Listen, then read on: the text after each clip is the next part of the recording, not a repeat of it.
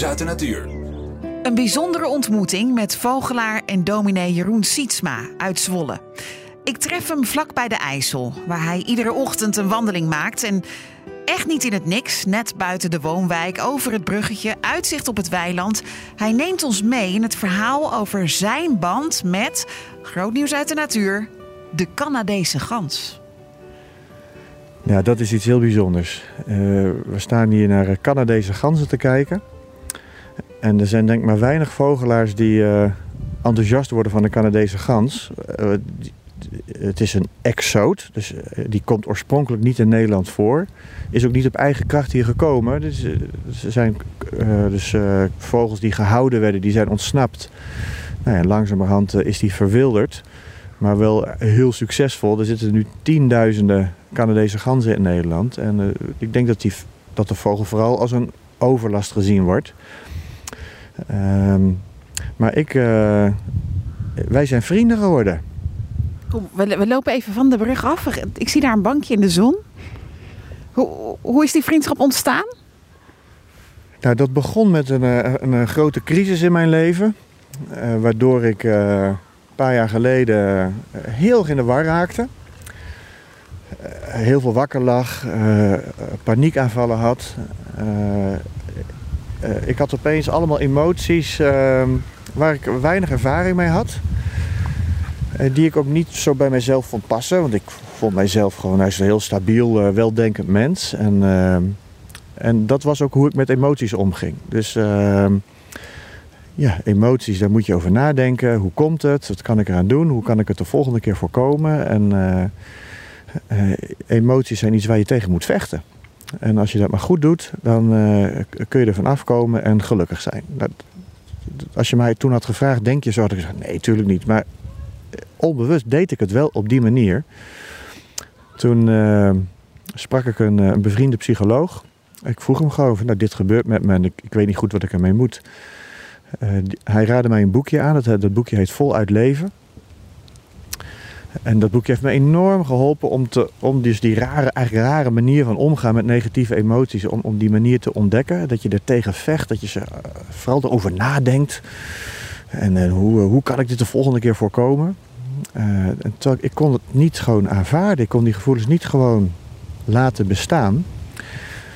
Nou, toen had ik dat zeg maar, op emotioneel niveau al ontdekt. En, en dat had dus ook op emotioneel niveau echt al wel betekenis in mijn leven. Nou, en toen gebeurde er iets heel bijzonders.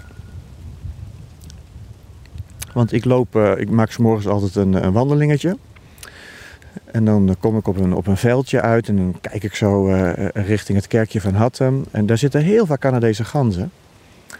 En er was een ochtend dat ik dus dat veldje oploop. En dat ik echt helemaal blij werd van het mooie lentelicht. En het was een schitterende ochtend tegelijk merkte ik opeens dat ik me tegelijkertijd echt kapot liep te ergeren aan die stomme Canadese gans met zijn rotherrie. En ik, helemaal in een soort verkrampte houding ook liep met van jullie horen hier niet. Schiet toch op man.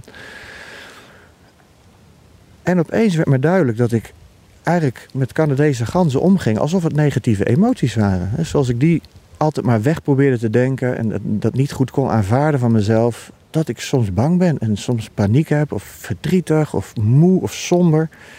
Dat kon ik gewoon niet goed hebben van mezelf.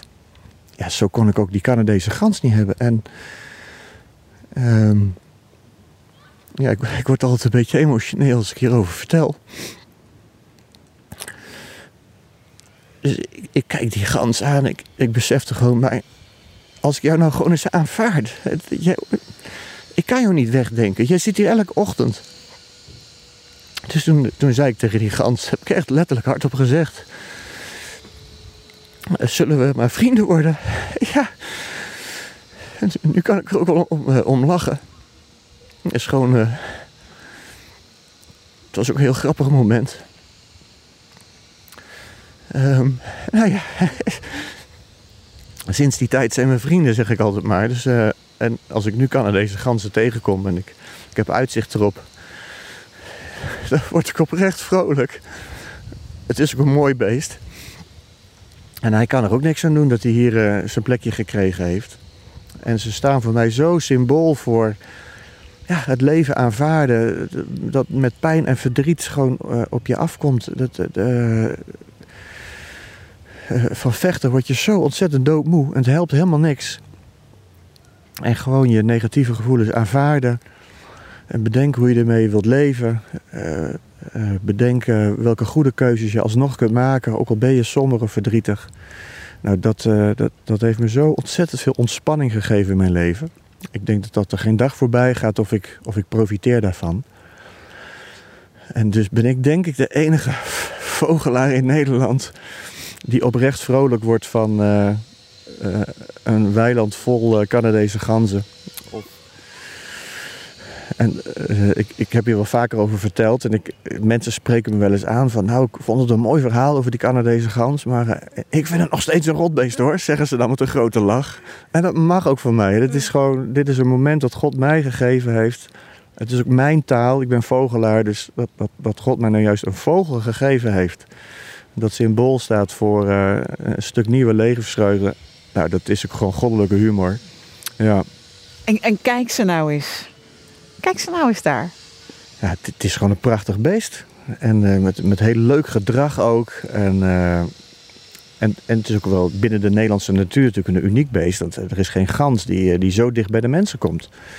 Dus dat zo'n grote vogel zo, ja, zich zo aan mensen laat zien, dat is ook echt wel weer iets nieuws. In die zin is het uh, een soort toevoeging.